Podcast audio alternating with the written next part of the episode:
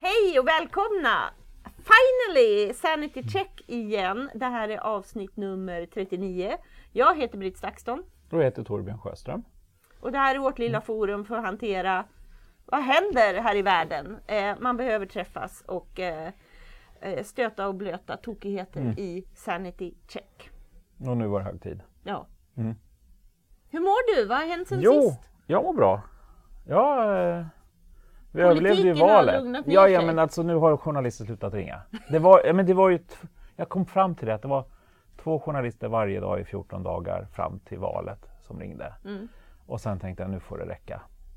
Men sen att, fortsatte det väl lite också? Ja, men inte så farligt. Nej, jag backade okay. ur. Jag känner ja. att väljarna sa sitt och jag begriper vad väljarna vill. Men vad politikerna gör har ju egentligen, okay, man kan ju tycka att det har någonting med väljarna att göra men det är inte helt mm. säkert. Mm. Så jag har liksom backat ur från alla spekulationer och så ända fram till typ igår eller något sånt där. Mm. mm. Men det ska vi inte prata om mer. Men jag fokuserade på att läsa lite om kvantfysik och fundera på meningen med livet. Och... Har du funderat över meningen med livet? Ja, precis! Har du kommit på det? Men jag vet, alltså, lite. Ja men tell me, det är ju sanity check perfekt. Ja, men för grejen är ju det att jag, ska, jag, ska, jag blev ombedd, faktiskt efter vårt lilla specialgrej i Almedalen. Mm. Så, så var det en... Eh, med Kent Visti? Eller? Nej, nej, eh, ditt med Sofia Arkelsten ja, och ja, ja, ja, vårt grejen. specialavsnitt då. Ja, så, så som var, var himla kul för övrigt. Ja men det var det ju, det var ja. jätteroligt. Men det var mm. en i publiken som var debattredaktör för Sydsvenskan som mm. sa det att jag jag hade ju sagt någonting om att man håller på att administrera ihjäl sig. Mm. Så hon bad mig under sommaren att skriva en debattartikel om administrationen och det orkade inte jag. För det var ju kopplat till att det, riksdagen... Exakt, ja, insikten precis, om att precis. alla politiker får ägna nästan mesta tiden typ åt halva sin dag eller vad det var. Ja, exakt. Ja. Och, för det var ju i, i, i Jan Schermans dokumentär mm. och, och liksom så. Men men hon bad mig då skriva en artikel om det, men jag orkade ju inte det. Mm. Jag ville ju vara ledig. Så ja. att det blev inget. Men däremot efter valet så satte jag mig ner och skrev ihop en sån artikel. Mm. Som togs emot väldigt väl. Just för att det som slog mig att jag tror att vi hamnar i ett läge där jag undrar, eller rättare sagt, tänk själv på din egen vardag. Mm. Hur ofta är det inte så att du, du känner att dagen är slut, att du hann faktiskt inte riktigt med det du hade tänkt göra, du hann kanske inte riktigt med det som var egentligen din egna din egna arbetsuppgift men du har fått göra en, andra, en massa andra måsten. Mm. Så liksom man, man, känner sig mer och mer otillräcklig för att man inte hinner göra det som man faktiskt egentligen vill och är bra på och så gör man något annat ganska dåligt. Typ för att jag tror varken du eller jag känner att vi är liksom, administration är inte riktigt det där liksom. Typ. Jag Nej. gissar bara om dig, men jag vet hur det är med mig. Ja, ja gud ja. ja. Katastrof. Ja. Katastrof. men ändå sitter man med det. Ja. Och sen så har man fler och fler stödsystem som helt plötsligt, så framförallt på stora bolag, mm. där man ska liksom digitalisera hela flödet för kunden genom systemet. Och det är oftast ganska dåligt. Oftast leder det till förseningar. Det leder faktiskt till mer administration än vad det var innan. Och jag började tänka på det här. Jag pratade med någon bekant som sa, var, som gift med militär, så sa det, men han säger att han inte hinner kriga för de håller på att administrera hela tiden. Så det är tur att det inte är krig. För att då har man varit och fast politikerna bara gör... Och politikerna, ja, läkarna, ja. mm. polisen. Det är väl tydligen det är väl typ 4 000 poliser på Kungsholmen. Undrar hur många som administrerar. Mm. Och när jag själv blev, du har säkert också blivit utsatt för hot och behövt polisanmälan. Mm. Så den polisen han satt där, så här i 45 minuter i det här systemet. Jag kände efter ett tag, ge mig datorn. Jag, jag har inte tid att sitta här när du... Ja. Precis, mm. och, det, och det gick så sjukt sakta det var så sjukt dåligt system. Och, och han var säkert en jätteduktig polis men inte var han bra på det där. Och det blir en jättelång utläggning här, men grejen är ju då att frågan är ju om inte, för det första så, så borde man kanske se administration som ett riktigt arbete med med en riktig kompetens. För då kanske det skulle kunna bli lite bättre. Ja, men det finns ju de som är proffs ja, det fin- på det ja, men det och finns ju det. Eh, och det är finns väldigt ju... effektiva i det också. Exakt. Men det är bara att vi alla får en Ja, men man ser det ju inte som ett arbete. Och det är väl lite det att oftast ses det inte som ett arbete. Men, men då fick det också mig att tänka på meningen med livet. Nu kommer jag dit. Alltså grejen är ju väl det att Visst det är väl bra med en framtidstro, det är såklart att det är bra med en framtidstro. Och det är ju väldigt viktigt, för har man ingen framtidstro då är det väldigt svårt att orka med mm. dagen. Men å andra sidan gäller väl också att man ska ha en meningsfull framtid, men det gäller också att ha en meningsfull vardag. Mm. Så är du nöjd med din dag idag, mm. då har du ju lyckats med otroligt mycket. Och det är där jag tror det börjar brista mer och mer. För att vi hamnar i en situation där vi gör en massa saker som vi känner att vi måste, som vi egentligen inte är, är bra på, så vi känner oss mer och mer värdelösa under dagen. Mm. Eh, det, är också, det, det, är också det här utanförskapet som finns i samhället som faktiskt håller på att växa, men utanförskapet är bland de som inte har jobb jämfört med de som har jobb. Det är inte en inkomstklyfta inom. Och, och egentligen problemet är kanske då inte att jobbet ger en pengar. Ja, det är klart att man får pengar, men, men det är också att ett jobb ger också ett syfte för vardagen. Att du får någonting att göra som är faktiskt meningsfullt för att alla vill faktiskt göra rätt för sig. Men nu menar du att när man går och jobbar så känner man sig inte meningsfull heller? Nej, Nej. precis. För att mm. vi blir tvungna att göra en massa andra saker som inte stod på arbetsbeskrivningen. Mm. Som vi inte egentligen begriper varför vi gör, men vi, vi känner oss tvungna att göra det. Och det riktiga jobbet kommer ju... Det vi, det vi faktiskt, om, om man pluggar till ingenjör, sen så blir man administratör. Mm. Eller om man pluggar till läkare, så blir man administratör. Pluggar till polis, så blir man administratör. Och, i, och, och då hamnar vi ju i någon form av negativ spiral i vår egna vardag som i sin tur, framförallt kvinnor får ju ännu jobbigare, det vet vi, alltså att utbrändheten ökar bland kvinnor just nu. Men det är för att vi känner oss, eller jag är inte kvinna, men för att man känner sig otillräcklig i högre grad som kvinna både på privatlivet, kanske när man fått barn och vill liksom vara en bra mamma, samtidigt behöver man göra en karriär. Men det man kanske egentligen mest gör är att ta hand om en massa måsten som egentligen inte har med ens egen kompetens att göra. Så, att det, det, så meningen med livet är egentligen bara att ha en meningsfull vardag. Mm. För då blir det mesta andra ganska bra. Kom jag på. Ja, men... Ähm... Det blir inte så himla glamoröst kanske. Men nog upplever vi dag, vardagsmässigt att vi har det meningsfullt trots administrationen, eller? Jo, men jag tror att du och jag är lite speciella. För vi har skapat vår egen vardag. Du, för du, du gör ju det som du brinner för och intresserar och det gör jag också. Mm. Men vi är ju faktiskt undantag. Faktiskt. Kring liksom, om man tittar på hela populationen så är det ju, mm. de, alla har inte den ynnesten att faktiskt kunna göra sådana här saker. Nej, nej. Självklart. Och liksom kunna nej, skapa nej. sin egen vardag och skapa ja. sin egen utveckling i den omfattning som du och jag faktiskt mm. kan. Men då vore det ju intressant att se för nu har vi ju nämnt eh, lite anekdotiskt militär, men polis är mm. ju väldigt välkänt hur ja, mycket administration precis. de håller på med. Eh, läkare är väl samma sak. Eh, men eh, hur liksom andra yrkesgrupper också är eh, drabbade på det här mm. sättet och om det är en konsekvens av digitaliseringen och, och hur det ser ut på, på en vanlig arbetsplats. Mm. Mm. Och jag inser att alla stora företag, nu kanske inte jättemånga, men det är ett par stycken som jag faktiskt jobbat på, så har man hamnat i samma sak. Och den här man, man köper ett stort stödsystem som ska vara någon ja. form av CRM-system och inventariesystem och hela skiten mm. där man då ska försöka digitalisera det här. Mm. Den som är ansvarig för det blir IT-avdelningen. Det blir ju väldigt sällan den verksamhetsansvariga mm. som håller i det och IT-avdelningen begriper oftast inte hur verksamheten fungerar. Så det blir oftast lite fel och brukar landa i att man måste köpa nya datorer. typ, för att hantera den ökade, liksom, och man behöver oftast till och med anställa mer personer för att man ska kunna vara lika effektiv efter implementationen som innan. Det är ju inte helt ovanligt att det råkar bli så. Mm. Administrationen blir faktiskt ett, ett extra arbete där man också kommer till och med längre bort från det faktiska arbetet man gör och börjar räkna pinnar och ha sig. Och Mm. Istället för att faktiskt ha nöjda, friska patienter till exempel. Jag var på Sacos makrokonferens, den är ju faktiskt jätteintressant. De har en makroekonomisk seminarium som de har varje år. Men då pratar de om ökade klyftorna och ökade utanförskapet. Men det var en sak som verkligen fastnade hos mig. För man pratar om en överkonsumtion av vård. Det var ett problem. Framförallt kvinnor i storstäder hade en överkonsumtion av vård. Vilket var jag och faktiskt Göran Arius och, och Sacos ordförande. Vi, vi satt bredvid varandra och sa, men herregud, det här är inte klokt. Ni kan ju inte prata om en överkonsumtion av vård, för man vill väl bara bli frisk. Mm. Och om man då har en överkonsumtion av vård betyder ju faktiskt att man inte blir frisk. Mm. Särskilt när man pratar om kvinnor och storstäder, där jag är rätt, rätt säker på att det är även liksom att den här känslan av otillräcklighet, att man behöver, alltså också att utbrändheten som sådan börjar öka mycket, att det är i alla fall den, den liksom säkert den centrala riskgruppen för det.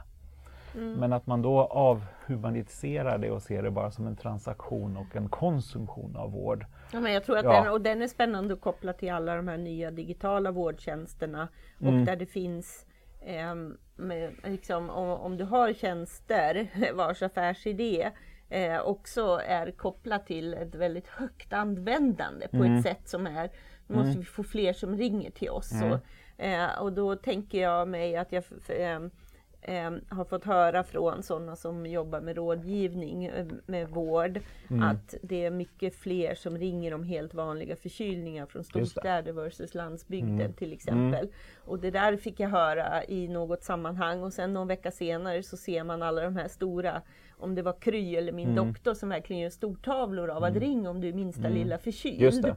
Det här är ju inne på de här sakerna. Ja, ja men så är det ju, precis. Och, och, och, och, i andra ändan då, då gjorde jag en undersökning för ganska många år sedan som frågade hur många av svenskarna som har gått till akuten trots att de vet att det inte var akut. Mm. Men bara för att det är det mm. enda som är öppet. Mm. För jag vet inte, det här var också anekdotiskt. Jag gjorde en undersökning med det, men jag har glömt bort resultaten. Mm. Men oftast, i alla fall för mig själv, så brukar jag känna mig ganska krasslig på fredagskvällen.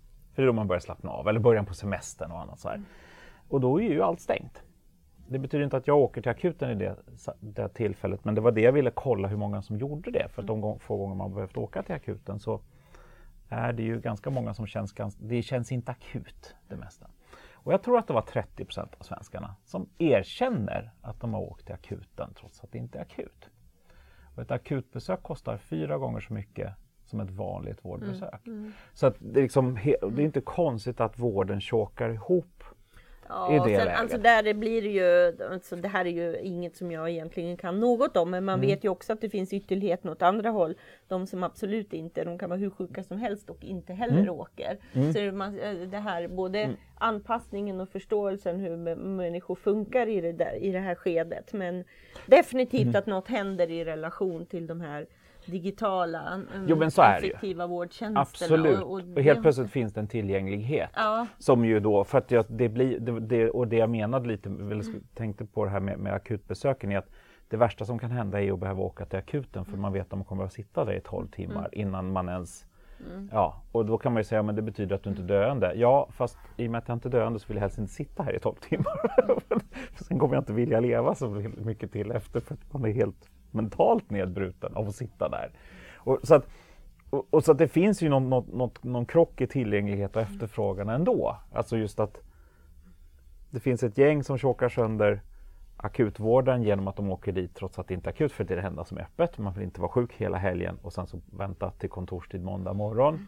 Och sen kommer då de här apparna som kan öppna upp någon form av överkonsumtion men samtidigt också ett ökat tillgänglighet som gör att man faktiskt kan bolla med en läkare mm. eller en sjuksköterska. Mm.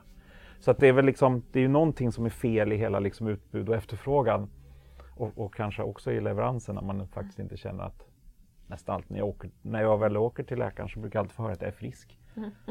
Så det är men, så, då, men då, sen tänker man ju lite framåt med tanke på hur åldrande populationen mm. är också och hur mycket längre vi lever. Mm det är ju, det är ju alltså hela vårdsektorn mm. är ju grym, så mm. inte spännande. Mm. Eh, det är den och, och, väldigt hårt reglerad vilket gör att innovationskraften ja. är ganska svår också. Ja. Fick jag också höra på samma ställe. Så att det är svårt att innovera, eh, vara innovativ inom vården på grund av att det finns så otroligt hårt reglerat hur det exakt ska gå till. Och så till. behöver du ändå hantera faktorer som digitaliseringen och ja. en väldigt, väldigt, väldigt större population som är exakt. gammal och lever längre och allting. Hur, det ska, liksom, eh, hur systemet ska hålla för det. Liksom. Ja, och då, och då, är det ju spännande att koppla in sådana aspekter av hur olika vi förhåller oss till en förkylning i ja, ja, men, jo, men så är det ju. Så är det ju. Men Precis. det handlar ju också om om du går till en arbetsplats och du har 40 andra medarbetare så är det väldigt ansvarsfullt att se till att du inte går dit. När du är... Ja, exakt. Precis. Och man ska helst inte åka kollektivtrafik om man vill hålla sig frisk. Mm. Fast man kanske ska köra den här äh, asiatiska grejen ja. med sån. Som gör av omsorg. Ja, Mot ibland andra. undrar jag. Ja. ja. Men det kan jag inte säga här. Jag men alltså Eh, snacka om eh, vad sjukt eh, hett det är med allt detta med eh, eh, hur man får se sina värsta nattmardrömmar realiserade i fråga om digitaliseringen i mm. Kina mm. och sociala mm. medieanvändningen. Som, verkligen. Eh, det är eh, någonting som jag har intervjuats mycket om de mm. senaste veckorna och så var det ju mm. med på Agenda häromdagen. Mm. Eh, och för mig är det ju jag kommer ju så ihåg när Cloudscore kom och hur mm. upprörd jag var över det här värdet som liksom mm. gav dig poäng och diskussionerna som genast blev att vad fint, vad fiffigt, då kan jag få bättre service på ett hotell om jag har högre Cloudscore. Mm. Och för mig mm. var det ju där och då jag började min aversion mot listor mm. och såg det här liksom utvecklingen i relation till att man vill ju inte att företag ska ge, bara bry sig om de kunder mm. som har ett högre cloud score. Det enda värdet jag såg i det, det mm. var ju strikt i, i kriskommunikation. Då måste du ju ändå börja någonstans. I vilket läge ska jag börja? Vilka ska informeras var? Och om du ska gå till den digitala arenan, mm. då är det ju smart att börja med de som har ett högt cloud mm. score för att det når ut brett till många. Just det, eh, precis. Ja, det. Så det var så här mm. tidiga referenser. Sen var det det där Black Mirror-avsnittet som mm. tog clout till en ny nivå som mm. handlade om någon kvinna som får man följa hennes vardag i det här framgångsrika skårandet av varandra och relationer och man smörjer den man handlar av och den man äter lunch med, allt är perfekt. Och sen kommer jag inte ihåg vad hon gjorde men jag tror hon blev full på en fest. Mm. Och där började livet gå neråt och så slutade det med att hon varken fick hyra bil eller åka flyg eller, och blev helt utanför mm. sin vänkrets. Mm. Och, och, så är det ju i det här användandet av datan i på något, på något sätt kommer det väl ur en sån här avsaknad av kreditsystem och avsaknad av att man fullföljer, du skyllde mig pengar men mm. ingen betalar dem i alla fall. Så hur ska vi då göra? Ja, vi skapar det här sociala rankingsystemet av medborgare. Eh, och det är ju lätt att se att visst sådär correctional behavior i fråga om att vara lite försiktig med energianvändning eller ta hand om sina sopor är väl frestande lätt att... Men sen när det blir så här, jag lyssnade på ett poddavsnitt där man snackade om att du får sämre scoring om du köper ett Playstation-spel online än om du köper blöjor. För då är du ju en ansvarsfull medborgare som har ett barn som ska tas om hand och så vidare. Och i, eh, mm. liksom att verkligen bli medborgare non grata mm. genom eh, den här mm. scoringen. Jag mm. ringer dig och då kommer det in en röst som bara pip, pip, pip. Mm. Nej, Torbjörn Sjöström han har inte betalt sina räkningar, honom ska du inte göra affärer med. oh, Vad tror du om detta? Ja. Kommer det bli så här? Nej, men, nej alltså, det är därför GDPR kommer till. Ja. ja. Att, Exakt, mm. men frågan är, och det brukar jag ju alltid liksom, det är fint att vi har någon slags mm. power, för det hade mm. inte varje nation kunnat liksom klara. Precis. Men alltså, tror vi på riktigt att, att EU och GDPR kan stå emot Kina? Och datainsamling? Att, ja, det... Ja, för där blir ju då utifrån ett amerikanskt perspektiv där de också har sagt att liksom mm. kinesiska mm. drönare och kinesiska mm. telefoner inte får användas inom militär och myndigheter. Och sen det här, nu vet man ju inte, nu, nu, har, nu är det flera som har gått ut och sagt att det inte är sant. Bloomberg gjorde ett avslöjande om att det var, var något visst chip som var pålött på moderkorten i vissa datorer. Som, som var liksom ett spårarchip liksom, på riktigt. Och att det hade dykt upp i Apples datorer och liknande. Men sen nu har då Apple och andra gått, fra, gått ut med och sagt att det där var absolut inte sant och så. Men, men bara det att det rent teoretiskt skulle det kunna vara så. Ja, det är spännande ju att se hur mycket vi är liksom, vi är ju lite härligt aningslösa mm. fortfarande och mm. känner ju, ja men min data och jag har ju all, alltid använt alla mm. sådär mm, privata meddelandefunktioner mm. har jag ju alltid tänkt. Mm. Det här ska kunna publiceras. Mm. Eh, liksom. Men eh, just sådär hur mycket är vi beredda att betala? Är, vi, är liksom när mm. datan blir en valuta där jag istället för att betala med pengar på ett fik betalar mm. med uppgifter om mm. mig själv. Och, och liksom, kommer det bli vardagsmat? Ja men mm. gör vi inte det lite grann redan när vi köper mm. de här kundkorten? Det gör vi ju. Mm. Då är vi ju beredda, vi får lite rabatt mot att du får min e-postadress och ni kan få mitt köpmönster. Och hur kommer det här förflytta sig? Ja, och, och det, är ju redan, och det är ju redan på plats i liksom konsumtionen av vår ja, liksom sociala allt. integration på Facebook. Ja, och vad Google, och Google. vet. Ja, exakt. Allt, allt. Och, och, där, där vi då hela tiden betalar med vår integritet. Mm. Och, och, där jag egentligen inte får ihop det med GDPR heller. För mm. där är det ju men mm. gråzonen redan. Um, Men, men det, det riktiga far, faran är väl snarare, och det finns ju faktiskt i, i England också, att vissa försäkringsbolag, man kan sätta i en liten GPS-modul i sin bil och kör man laglydigt då får man en lägre Ja, och i USA att, finns det försäkringsbolag mm. som ger mig bättre rating om jag mm. vill dela med mig av mm. mina hälsoappar. Ja, ja just det. Ja.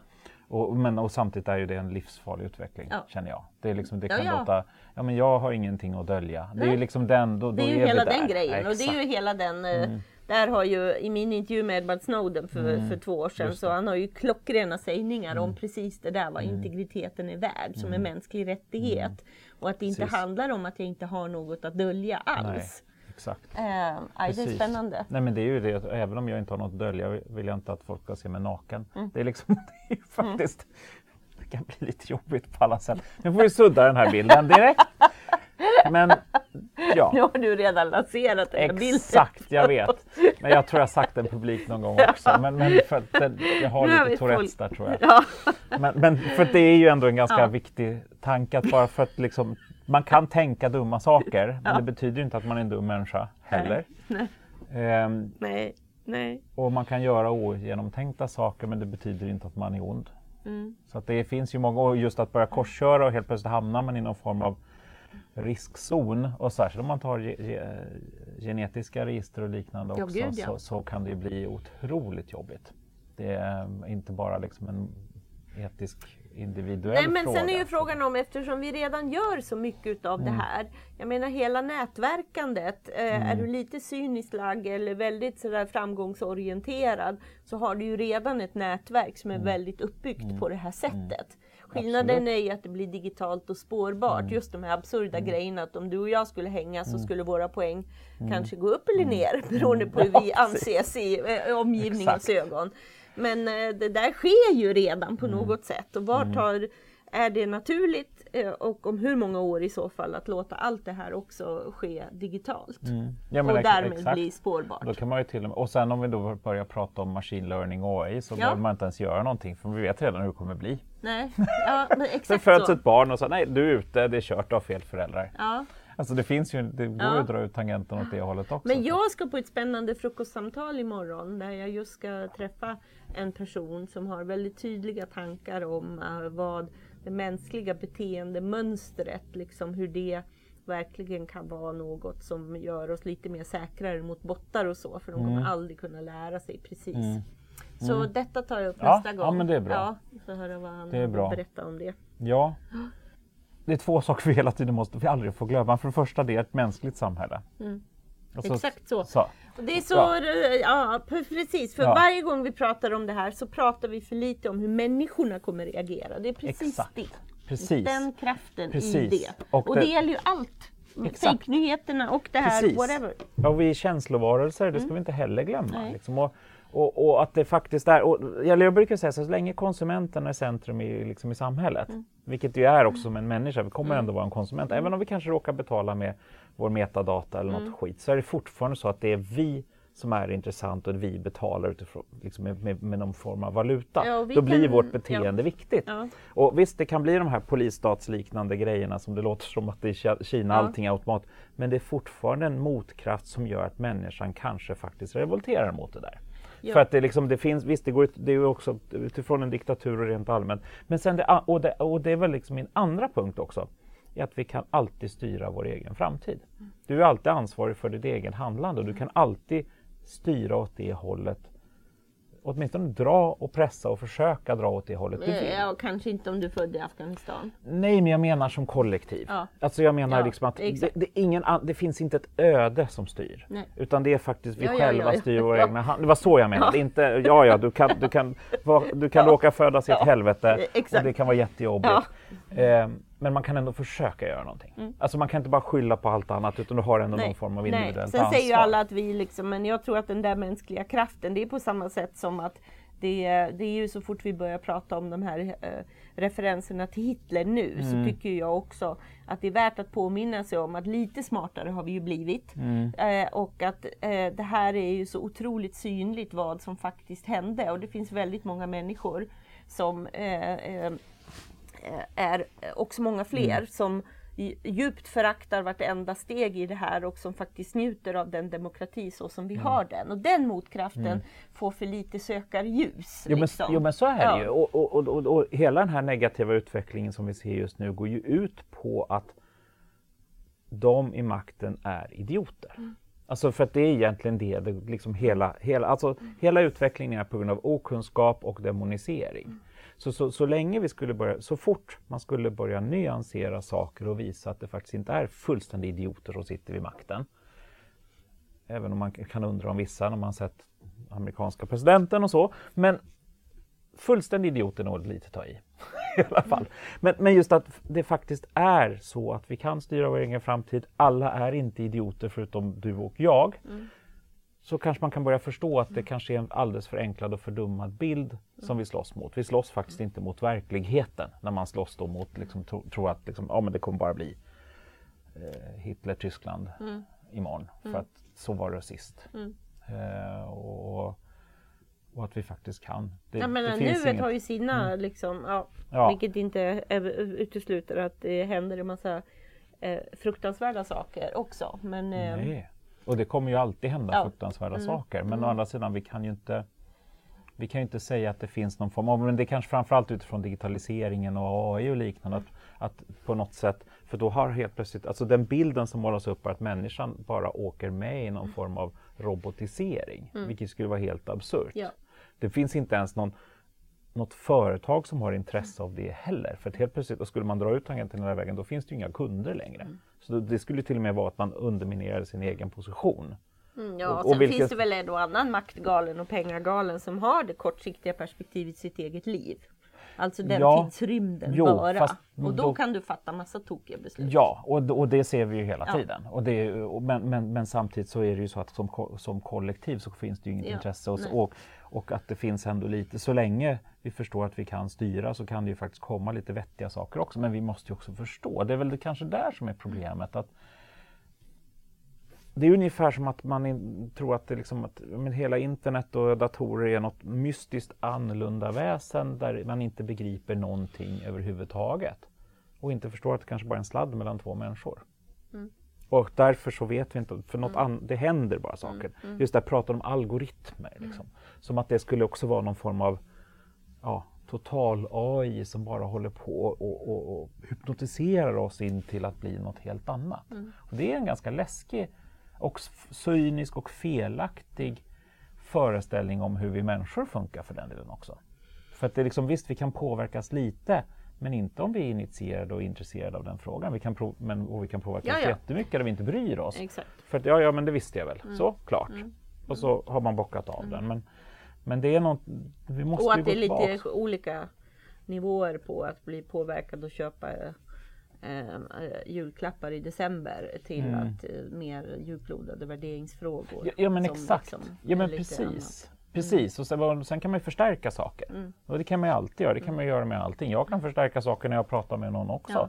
Att vi kan ju påverka varandra, men att tro att vi är helt liksom några passiva drönare som bara okej, okay, mm. och det, mm. för det är också en farlig syn på, på mänskligheten ja. som sådant. Som, och det var, det var därför jag också bara insett på något sätt också att vi måste ju gå tillbaks till att känna att vi har en meningsfull vardag. Och vi måste också komma ihåg att det faktiskt är människor. Vi är människor och vi, mm. vårt mål är faktiskt bara, och det där var en, en, sak som faktiskt slog mig som absolut hårdast i Hans Roslings Factfulness som jag läste. Som var så prov, jag blev delvis provocerad över att jag faktiskt har glömt bort det själv. Eller inte tänkt. För det är så lätt att prata om vi och dem och, och Afrika och massvält och allting. Men där han då skriver, egentligen vill alla bara ha en fru och två barn, eller en, alltså en partner och två barn och ha ett bra liv. Mm. Och det gäller ju alla människor. Mm. Det gäller även afrikaner, det gäller även... Alltså, och det här är så lätt att glömma så att man kände att jag nästan... Ja, det låter jättetöntigt. Men alltså det var bara att, ja men det är klart, varför skulle det inte vara så? Mm. Och hur, hur kan jag ha... Ja, för man fastnar så lätt i liksom att det här... Ja,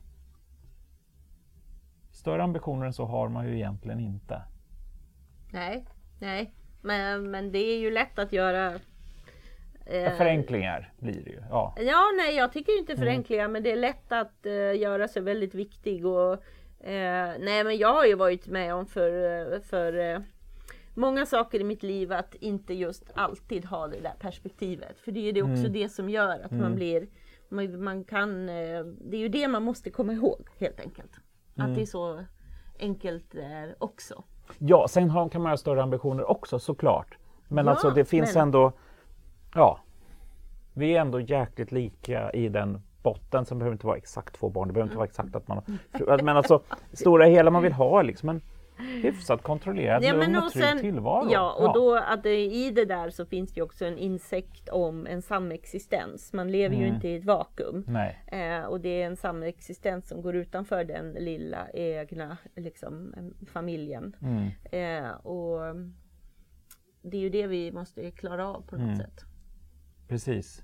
Och att de flesta avvikelser från det här är på grund av, typ, om man tar då framförallt antalet barn, så är det ju på grund av den, alltså att den är en hög barndödlighet, då blir man tvungen att av, avgå från, mm. avvika från den mm. mm. grundbilden. Men det är ju inte för att man vill, mm. utan för att man känner att man måste, eller för att rädsla, eller för liksom och, och det gäller ju många andra saker som man gör som man faktiskt bara gör på grund av osäkerhet och mm. rädsla. Mm. Men, liksom Men det där sätt... är ju på något sätt den här eh, um, ja, mänskligheten som motor för det behöver gärna få ta lite plats också. Att ja, men, det faktiskt ja, finns. Precis, vi spårade kanske lite här. Men absolut, ja. exakt och jag tror att det där måste vi påminna oss mycket, mm. mycket, mycket, mycket mm. mer. Mm. Hela tiden. Och, att, och det får inte vara rädslan som är den centrala motorn för utveckling. Mm. För det är det det börjar bli mer och mer. Och rädslan leder till demoniseringen av motståndaren och grupperingarna, vi och dem. Mm. Um, att någon vill oss illa. Eller har vi otur, eller kanske inte just nu, men kanske snart. Snart kanske något tar över landet. Alltså det, hela det här svartvita bilden av, av ett samhälle som är ont och gott och framförallt ont. Ja. Mm. ja. Ska vi ta den där kvittorna nu då? Ja, min hatgrej. Ja, jag förstår det. Alltså mm. om jag eh, då har varit lite off grid på alla möjliga sätt och vis och sen så loggar man in lite random på. Twitter. Mm. Händer inte så ofta längre men eh, sådär eh, någon gång. Uh, och då vill jag ju liksom dy dyka ner lite rejält. Men i det här fallet mm. behövde jag inte dyka ner i så här rejält. Och för plötsligt ser jag då i mitt flöde att jag ser Negra Efendic från Svenska Dagbladet då är det Anna Maria Corazza Bildt som har lagt ut någon random tweet om att hon ska jätteglad över att hon ska vara med på något event ihop med Ale Alexander heter han var Stubb och så mm. vidare. Något gäng här, Företagarna och Svenskt Näringsliv. En mm. sån här mm. vanlig mm. intetsägande tweet som man ju kan se över evenemang som människor ska delta på hos politiker och andra. Mm. Och då är det tweetar hon det och skriver okej okay, Twitter, hitta på något. Mm hashtag visa kvitton. Och då eh, klickade jag på den här taggen och kollade och då såg ju jag att det här var ett mönster sedan ett par dagar där jag kände att här skruvas också ton och tilltalet upp väldigt högt. Mm. Eh, och då eh, blev jag så trött så då skrev jag till eh, Negra, är inte det här mer av aktivism än journalistik? Mm. Men hon var inte den som var den, hon svarade mm. ju direkt, vadå aktivism för vad? Att makthavare ska svara på frågor och låta sig granskas? I så fall ja. Då svarade jag lite tålmodigt att tonet och arbetssättet andas aktivism och ett hetsande som jag är så trött på och önskar att journalister inte bidrog till okej, okay, Twitter hittar på något. Det är väl ändå journalistik och inte Twitter ska, som ska göra det granskande jobbet. Och ja, makthavare ska granskas och svara på frågor. Och då svarade hon att hon eh, eh, tyckte att Twitter var dum. Men att hon inte höll med om arbetssättet, att det var högst relevant. Mm. Men, och då ville jag ändå påpeka innan jag slutade diskussionen med henne att det handlar ju om Alltså dels finns det ju noll förståelse för hur den här kan tolkas utifrån. Att mm. går man in och ser mm. den här, mm. alltså jag trodde ju världen håller på att bli galen. Det här är en mm. av Sveriges främsta mm. journalister. Mm. Och som har ett ton och en tilltalsform som alla tokstollar på internet också har. Och det här är ett så typiskt bevis på hur fullständigt uppskruvat det offentliga samtalet har blivit. Men så kan man ju prata med journalisträvar som jag träffade Jonas Nordling igår på eh, galan, mm. tidskriftsgalan mm. och tog upp det här. För, och då, han skojar ju bara tycker att det är lite härlig kampanjjournalistik. Johanne, Johannes Nesser på Aftonbladet tyckte att det var ju samma sak som man bara kör upp en kamera i mm. ansiktet på, eller en mikrofon i ansiktet på någon som inte svarar på frågor i Almedalen eller sådär. Och, och jag, men jag tänker mig att man missar helt för mig är det så bara, mm. visa kvittorna, visa kvittorna! Ja. Det är totalt tondövt. Ja. Och eh, visst, det finns sen har jag ju nu satt mig in i det här. Mm. Eh, och då har jag förstått hela den här förhistorien, granskning, de får inte svar. Allt handlar ju om kvittorna för de här pengarna som EU-parlamentet ger ut. Mm. För att eh, parlamentsledamöterna mm. får ut, jag tror att det är 45 000 mm. skattefritt. Mm. För att sätta upp ett kontor. Mm. Jag menar, börjar du som politiker här i Sverige, då får du ju hela mm. kittet. Du får din dator och ditt uppsättning. Här ska du ju sätta upp det själv. Så de här pengarna kan ju användas till att utrusta ditt gäng med iPads eller att alla åker någonstans på någon mm. konferens eller till mm. Almedalen och så vidare. och så vidare. Men parlamentet har ju ingen redovisningsplikt på Nej. de här. Och jag har också förstått att det här är en fråga som liksom, den kanske inte drivs stenhårt men den dyker upp. Och det vore jag nyfiken på om alla svenska parlamentarikerna röstar för en större insyn ja, i det här. Det skulle jag tro. inte. Jo, men det tror jag nog. Det är, eftersom offentlighetsprincipen, det vore ju, mm. det skulle jag i alla fall, det kanske har undersökts i den här mm. granskningen. Men i vilket ja. fall får de inte svar. Mm. Eh, och då tycker de att det är jätteinnovativt att gå till Twitter mm. på det här sättet. Och då såg jag ju eh, Jan Helins nya program Fönster mot mm. medievärlden tror jag det heter. Mm. Det ska jag för övrigt börja lyssna lite mer på. Mm. Men då gick jag till ett avsnitt där hon eh, intervjuas om det här. Mm. Och då är det ju roligt. Jan Helin han säger ju att han älskar det ju ur med sitt kvällstidningshjärta mm. på något sätt. Men han är ju den som ändå ställer frågan om Eh, och ställer frågan om mm. hur mycket Svenska Dagbladet är det här i ton. Mm, så. Och de sekunderna för många som det tog för Negra att svara på den frågan, den är ju för mig ett bevis på att den tanken har inte ens slagit henne. Nej. Det här är ju hennes Nej. arena, det här är hennes race. Mm. Det här är journalisten som vill ta mm. plats och synas. Mm. Och nu lämnar jag henne som individ, utan mm. fenomenet med att journalister vilket man senare diskuterade i samma program. Okay. Apropå ja. ett samtal ja, som hade skett ja. i London nyligen. Mm. Uh, och nu är min, uh, mitt minne, guldfiskminnet är närvarande. Jag kommer inte ihåg vilka det var. Jag borde mm. veta vilka Nej. det var. Men det var en debatt mm. som Jan Helin tar upp som mm. handlar om hur um, det här självspelande pianot som det blir över att, att journalister eh, blir så väldigt, väldigt personligt kränkt mm. av angreppen från Donald Trump. Mm. Så man är inne på temat journalister som tar plats, journalisten mm. som narcissist själv och mm. sådana här saker. Liksom. Mm. Och då tänkte jag, fan, gjordes ingen koppling till det Nej, här svenska exemplet på exakt ja. lite eh, samma mm. fenomen. Men grunden för mig, och nu känner jag mig som en ordningspolis, så jag gillar inte det här. Och det här jag tycker att man slösar med sitt fina, fina hantverk. Det var ju det jag mm. skrev till henne. Du är en av Sveriges främsta journalister. Du mm. slösar bort mm. respekten för ditt hantverk genom att skriva, mm. ja men Twitter, hitta på något här nu, mm. visa kvittorna, visa kvittorna. Mm. Det är ju, ursäkta mig, mm. inte värdigt. Nej men det är det ju inte. Det är det ju verkligen inte. Och, det, och delvis så liksom, nej precis, för att det är ju frågan om någon form av integritet och respekt också. Att om man nu tycker att någon inte sköter sig, om, om vi nu ska liksom se att det, det, är det som då anses så, så ska man själv börja skrika och vråla på någon form av sätt som, som inte är värdigt själv. Men jag tycker liksom, att det här, mm. åtminstone de, jag mm. såg att det skruvade upp sig, det var mm. därför jag gick in. Ja. Det var ju på väg till ett hetsande och framförallt blev jag ju nyfiken på, mm. okej, okay, vad är tidsramen för det här? Ja. Eh, ska det här hållas på så fort de här mm. personerna mm. säger någonting? Eh, och sen kan man tycka en massa saker. Det är klart att makthavare ska granskas. De borde ju gå in och svara. Varför vill de inte visa de här kvittorna? eh, och hur skulle den här, allt, allt det här kring Precis, ja, precis, men samtidigt finns det ju kanske ett, ett annat problem med det här också i och med att det inte finns några krav på en redovisning så är det ju strukturen det är fel på, kanske inte individen. Exakt så! Och, och, men, men då fokar man på individen ja, för det är så för mycket det är ju lättare. så härligt och så kommer du väl hitta på Ja, så- att de har väl köpt någon senaste Mm. iPad och den är väl jätteonödig. Då kan vi göra en artikel om det också. Exakt, men det var nästan lite som att jag kände när, när helt plötsligt redaktionen inte blev ju- bjudna på julfester, då blev julfestgranskningen jätteviktig. Kommer du ihåg det? Nej, det kommer jag inte ihåg. Nej, men så var det. För då såg jag nämligen lite bilder på, på att man, ja, men nu vi fick ha en egen julfest, det hade man inte råd med på redaktionen. Sen granskades liksom Odenbergs eh, Darth Vader-grejer, och, för att det var ju liksom överdådiga fester som var grejen då som blev viktiga. Det är nästan så att... Ja, alltså, men all ja. kvittoredovisning, jag tycker det är ganska, det är, det är väldigt effektfullt och sen så Mm. mm, är det ju liksom, eh, det är ju jätteangeläget vad man gör med skattepengar. Så är det ju, det är ju inte det, det är inte granskningen. Mm. Nej, fast men samtidigt Mm. känner jag väl att ja, det är angeläget vad man gör med skattepengar. Mm. Men då kanske är de stora dragen som är ännu viktigare.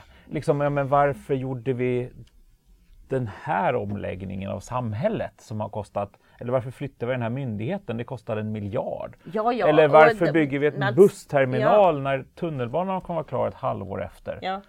bussterminalen kostar två miljarder. Det vore väl ganska relevanta frågor utifrån liksom slöseri med skattepengar? Ja. Mm. Eller inte? För jag begriper inte. Men om någon har gjort, okej, ja, det, det är ju snarare att man ska gå in och vara, man försöker vara någon form av revisor. Men det är för att det, och det kallas grävande journalistik. Jag är inte säker på att det är så jäkla... Mm. Alltså, det är mer effektjournalistik. Jag, jag blir trött varje gång. Det betyder ju inte att man, jag tycker att man, folk ska få göra fel. Mm. Men jag tycker inte det ska vara liksom höjden av liksom det här riktigt grävande journalistiken som det på något sätt blir. Att, Nej, nej, och jag, när jag sen liksom. gick in och tittade och i eftersnacket så känner man ju bara, och hela tagganvändandet här. För Ja. mig är ju, jag är ju cynisk. Det här är ju för mig bara, okej, nästa stora journalistpriset visar kvittorna. Vi har taggen, Ja. vi har alltihopa Ja. liksom. Ja. Det här är inte innovativ journalistik. Nej. Det här är ett resultat av ett fullständigt uppskruvat offentligt samtal där journalisterna slänger in sig i exakt samma race och jag Mm. föraktar den här samtiden så djupt för det som, är, som pågår. Ja, nej men, och, och det skapar ju både ett, ett journalistförakt och det skapar ett politikerförakt. Ja, full pott. Och liksom och just det här med Full pott! Prata om innan med den här demoniseringen att alla andra är idioter. Ja, men det lyckas man bevisa hela tiden. Både att man själv sjunker lågt Mm. när man nu ska liksom vara, vara ansedd journalist men så, så gör man någonting som faktiskt blir... Sen om man tar en annan dimension, hur ska man ens kunna vis, veta att det som den får... Om man går ut så här brett, apropå påverkansaktioner och annat, och liksom, det går ju att skapa falska grejer av typ vad som helst, vilket det väl har hänt i andra länder. Alltså det skulle vara ganska lätt att liksom fabricera lite grejer. Eh, För vem här? Ja, men det lite, lite spännande kvitton. Eller lite spännande beteende. Särskilt om vi nu pratar om det här liksom dark movies eller vad det nu heter, när man helt plötsligt kan byta ut ansiktet på vem som helst och så. Alltså, men, vilket gör att det dummaste du kan göra är att göra den här typen av Ja, men liksom här är man jätteenkel, här tycker man det är jätteframgångsrikt. För då när det blir lite hetsigt twittrande så var det väl någon miljöpartist av de här ledamöterna som då har visat kvittorna. Så nu ska man då Mm. Ja. hålla på tills alla har gjort det så här. Och sen finns det ju så här i andra spektrat utav det här. Mm. Ja, om de inte spenderar de här pengarna, då går de fortfarande skattefritt eftersom systemet ser ut så här. Mm. Ja, så ja. då har de noll spenderade pengar men de får dem skattefritt Mm. ändå. Är det, det är ju jätte mission accomplished någonstans. Mm. Men äh, jag vet inte. Jag eh, blir eh, Granskningen, det, eh, det är inte det huvudsakligen... Nej, men jag Det förstår. är absolut inte det Nej, jag jag, jag fattar det, det är jag Ja. som säger det. Ja. För att Ja. jag tycker att, men det är väl rent allmänt, jag tycker det är för himla lätt och liksom det blir någon form av det, för, det, det blir någon form av liksom någon form, det här, ja men titta nu har du gjort fel på detaljen och sen så mm, spelar det ingen roll hur det ser ut i de stora dragen. Eller så här, jag sa det faktiskt till en journalist häromdagen. Det viktigaste för demokratin just nu är trygga arbetsvillkor för journalisten. För att då kan du faktiskt börja göra det jobbet du egentligen vill. Och i journalistens värld är det väl inte administration som problemet utan det är snarare att göra konstigt, att visa att man startar hashtag och visa sig, få engagemanget när det kanske inte är det som är det riktiga journalistiska jobbet. Jag är inte säker på att det är sånt här som är, liksom, om man ska definiera journalistik utifrån Journalisthögskolan, att det här är det man lär sig där. Jag tror inte det. Nej, det kan Nej. jag säga att det är det inte. Nej, och jag tror inte Eh, det det- är min det kommer- erfarenhet utav att ha träffat eh, praktikanter eller så. Ja. Men eh, det, det som är tungt för en journalist idag, det är ju att få det direkta kvittot i form av eh, kvitto med dumt ord, mm. men eh, beviset för eh, hur mycket din eh, artikel har flugit. Och Exakt. det undrar jag vad det mm. gör med journalisten. Ja. Och ehm, också mm. ganska så här sorgliga insikter. Jag träffade nyligen en journalist som berättade om att en väldigt enkel topp 10 artikel mm. som hen hade gjort mm. var ju det som flög bäst mm. utav allt. Och, eh, och, och eh, hen konstaterade själv, det där hade ju en robot kunnat göra. Mm. Men Precis. de liksom eh, med så här tre dagars jobben som blir mm. djuplodande artiklar får ju absolut inte lika mycket interaktion. Och då krävs det ju att du har guts själv, att du mm. vet vad du håller mm. på med och att du har en väldigt, väldigt liksom, eh, mm. en, en, tydlig redaktion. Som, Men, och det är ju där som också blir så fascinerande om man går tillbaks till det vi jobbar med också. Vad är effekt? För att effekt utifrån en, en, artikel och en redaktionsjobb är kanske inte att få någon avsatt utan det är snarare att man ska faktiskt tjäna pengar. Men ty tyvärr så vill man inte ens ha betalt utan man vill bara ha klick och, och metadata. Men betalningsviljan för den här typen av gratisjournalistiken är ju noll. Men däremot kanske den delas mycket. Men det betyder egentligen inte att du, du förstärker ditt varumärke. Det men vilket att, menar du med gratis? Nej, men jag menar gör, ja, men det här, en topp 10-lista på ja. bla bla bla. Ja. Liksom, som är supersimpelt, som kanske kan delas för att det är lite underhållning. Mm. Men det betyder ju inte att man kommer få fler prenumeranter. Nej, och det vet man nog. Det tror ja, jag men jag är inte säker på att man faktiskt jo, men vet det. Det, det tror jag inte... nog att man förstår. Att man Nej, kommer inte för få... du mäts inte på det. Alltså det är det jag menar, du kommer ändå mätas på delning och engagemang men det kommer egentligen inte öka ja, men den långsiktiga vilken affären. Vilken businessman som helst och det finns jag för, förstår ju mm. att det finns ju ingen som kommer vilja betala mm. 200 kronor i månaden för Svenska Dagbladet eller mm. 200 kronor i månaden för... Mm, men varför mäts de på det då? Det är, det, det är ju det som är liksom min poäng, för då mäts man ju på helt fel saker. Mm. För att det som bygger trovärdighet och betalningsvilja är ju faktiskt de här som inte sprids. Mm. Men å andra sidan så är väl 10 000 prenumeranter mer värt än en miljon delningar. Mm. Alltså så att, mm. Och det är här man faktiskt inte mäter på ett korrekt sätt. Och, och, Fast det, vi vet ja. ju inte än vad de gör med sina insikter förutom ja, men att man förutom just att nu... Du, jag har precis samma ja. exempel som du har ja. från flera olika journalister vilket ju också bekräftar att man faktiskt nej, jag, inte... Men, ja. ja nej, men det är nog mer inne på mm. linjen att man... Jag undrar vad det gör med människor. Och man, eh, jag tror ju mm. fortfarande att det finns eh, starka eh, redaktionella ambitioner med sin produkt som gör att man inte kommer hemfalla åt att bara göra. Mm, men det är en gråzon. Ja. Alltså det, är där, det, det står ja, ju och väger. Och nu, nu, har det börjat väga ja. åt rätt håll för många redaktioner för att man låser in det bakom betalväggar även om jag inte är säker på att det är den bästa ekonomiska lösningen ja. med just det mm. så måste man ändå ta betalt för mm. journalistik och det har man ju börjat fatta. Mm. Och, men då, då måste man kanske också ta bort de här räckviddssiffrorna så man inte blir triggad Ja, som nej, men det är ju liksom massa, för det var, i samma program med det här, heter det Fönster mot medievärlden som är linjen? Ja, ja. I samma program där Negra inleddes med att prata mm. om den här Visa kvitton-kampanjen så eh, blev det en sån diskussion mm. där bland annat Olle Zackrisson medverkade mm. från Ekot och det, mm. man pratade ju väldigt öppet om att det är ju det är ju den här logiken som också gör att, det, det, att man lätt ramlar i fällan att skriva mer om SD-relaterad mm. problematik för mm. att det mm. får så mycket engagemang mm. och interaktioner. Och då ska man ju sluta ja. mäta det. Mm. För att det finns ju ingenting i public service-uppdraget, om man då går till Ekot, ja. som säger att man ska, ska liksom nå maximal räckvidd oavsett innehåll. Nej, nej, och jag alltså tror inte det... att hans kommer, jag tror jo, att men... det var ett generellt nej, jag vet, resonemang jag för, också. Men jag förstår, ja. men jag, jag ser ja. ju också att det finns den typen ja. av tendenser. Olle anställdes ju för att han var så bra digitalt. Mm. Så att syftet var ju det. Mm. Och Rambergs små filmer och liknande. Ja men exakt, exakt. Men att, och där har vi problemet framförallt med public service. Och jag får ju höra lite samma som man, man tror ju att man inte, alltså grejen är att man går ju också från en värld där man har haft 100% av marknaden. Då menar jag mediehusen mm. som sådant. Och man har också haft 100% av distributionen. Och sen så klarar man inte av att se skillnad på distributionen och innehållet. Utan man har mm. sett att distributionen var det man gjorde, innehållet bara gjorde att man köpte mm. paketet.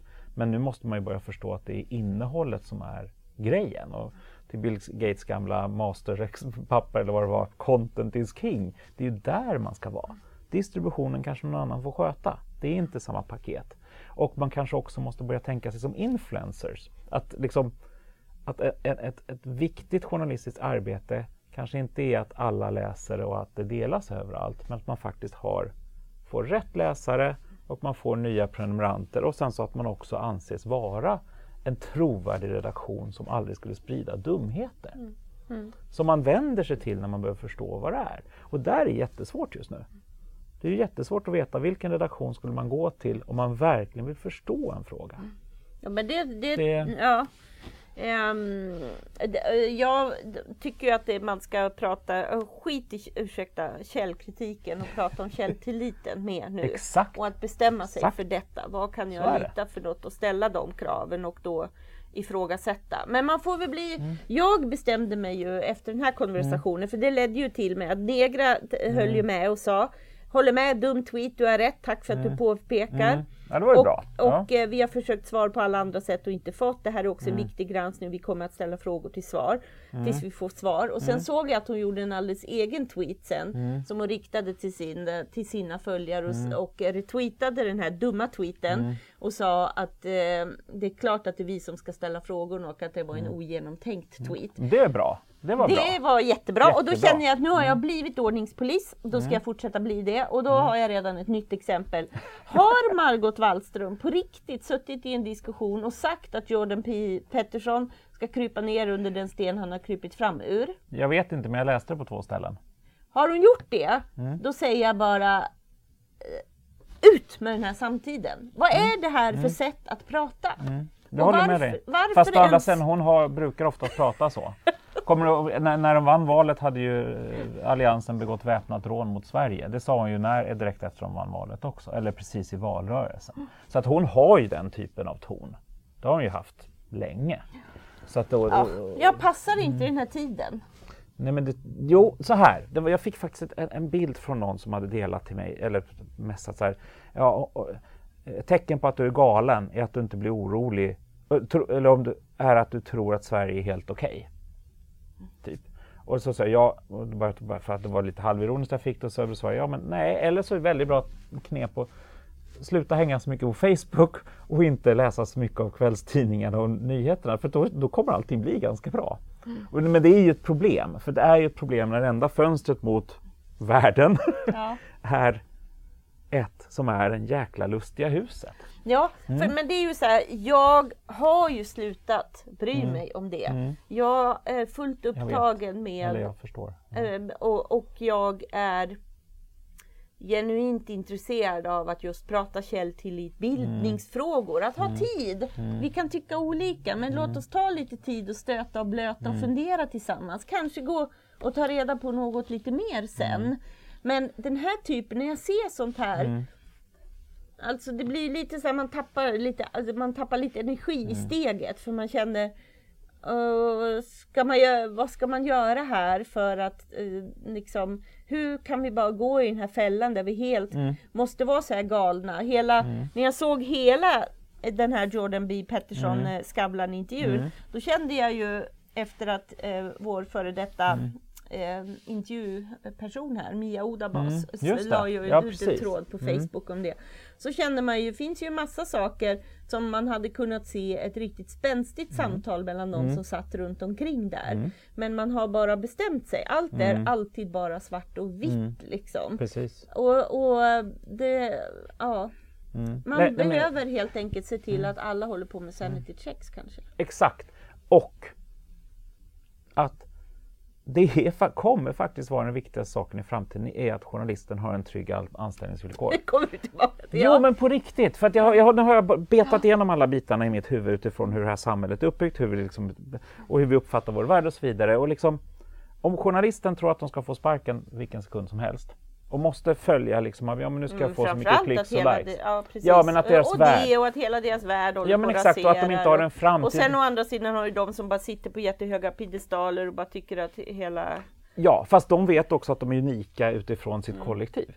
Så för att de, ja men jag har det bra men alla andra, ja, det är bara jag, då blir det liksom jag klarar mig för att jag kör mm. mitt varumärke och grejer. Men det är faktiskt kärnan till varför vi, vi håller på att barka fullständigt. För att det går inte att ha en seriös granskning om inte vi respekterar och har förtroende för redaktionerna. det går heller inte att vara en tredje statsmakten om inte vi har tilltro till eh, den redaktionen som har gjort det. Men människor ja. i gemen har ju större tilltro till allt det här än vad vi tror. Ja, exakt. Men det blir konstigare och konstigare varje gång. För då, då blir granskningen blir ju någon form av demonisering av, av mm. motståndaren som man då tycker att det är, den man har granskat. Vilket gör att den kommer bli fullständigt dum i huvudet. För att det finns ingen nyansering i det heller. Så att det är allt antingen svart eller vitt. Och vilket gör att allmänheten som egentligen inte bryr sig men får då bara bekräftat, ja men titta de var ju dumma i huvudet. Men hade man då gjort ett lite mer hade man inte jagat klick och upprördheten utan faktiskt haft syfte att förklara hur samhället funkar eller förklara situationen och komplexiteten och säga å ena sidan och å andra sidan men det är ändå inte bra.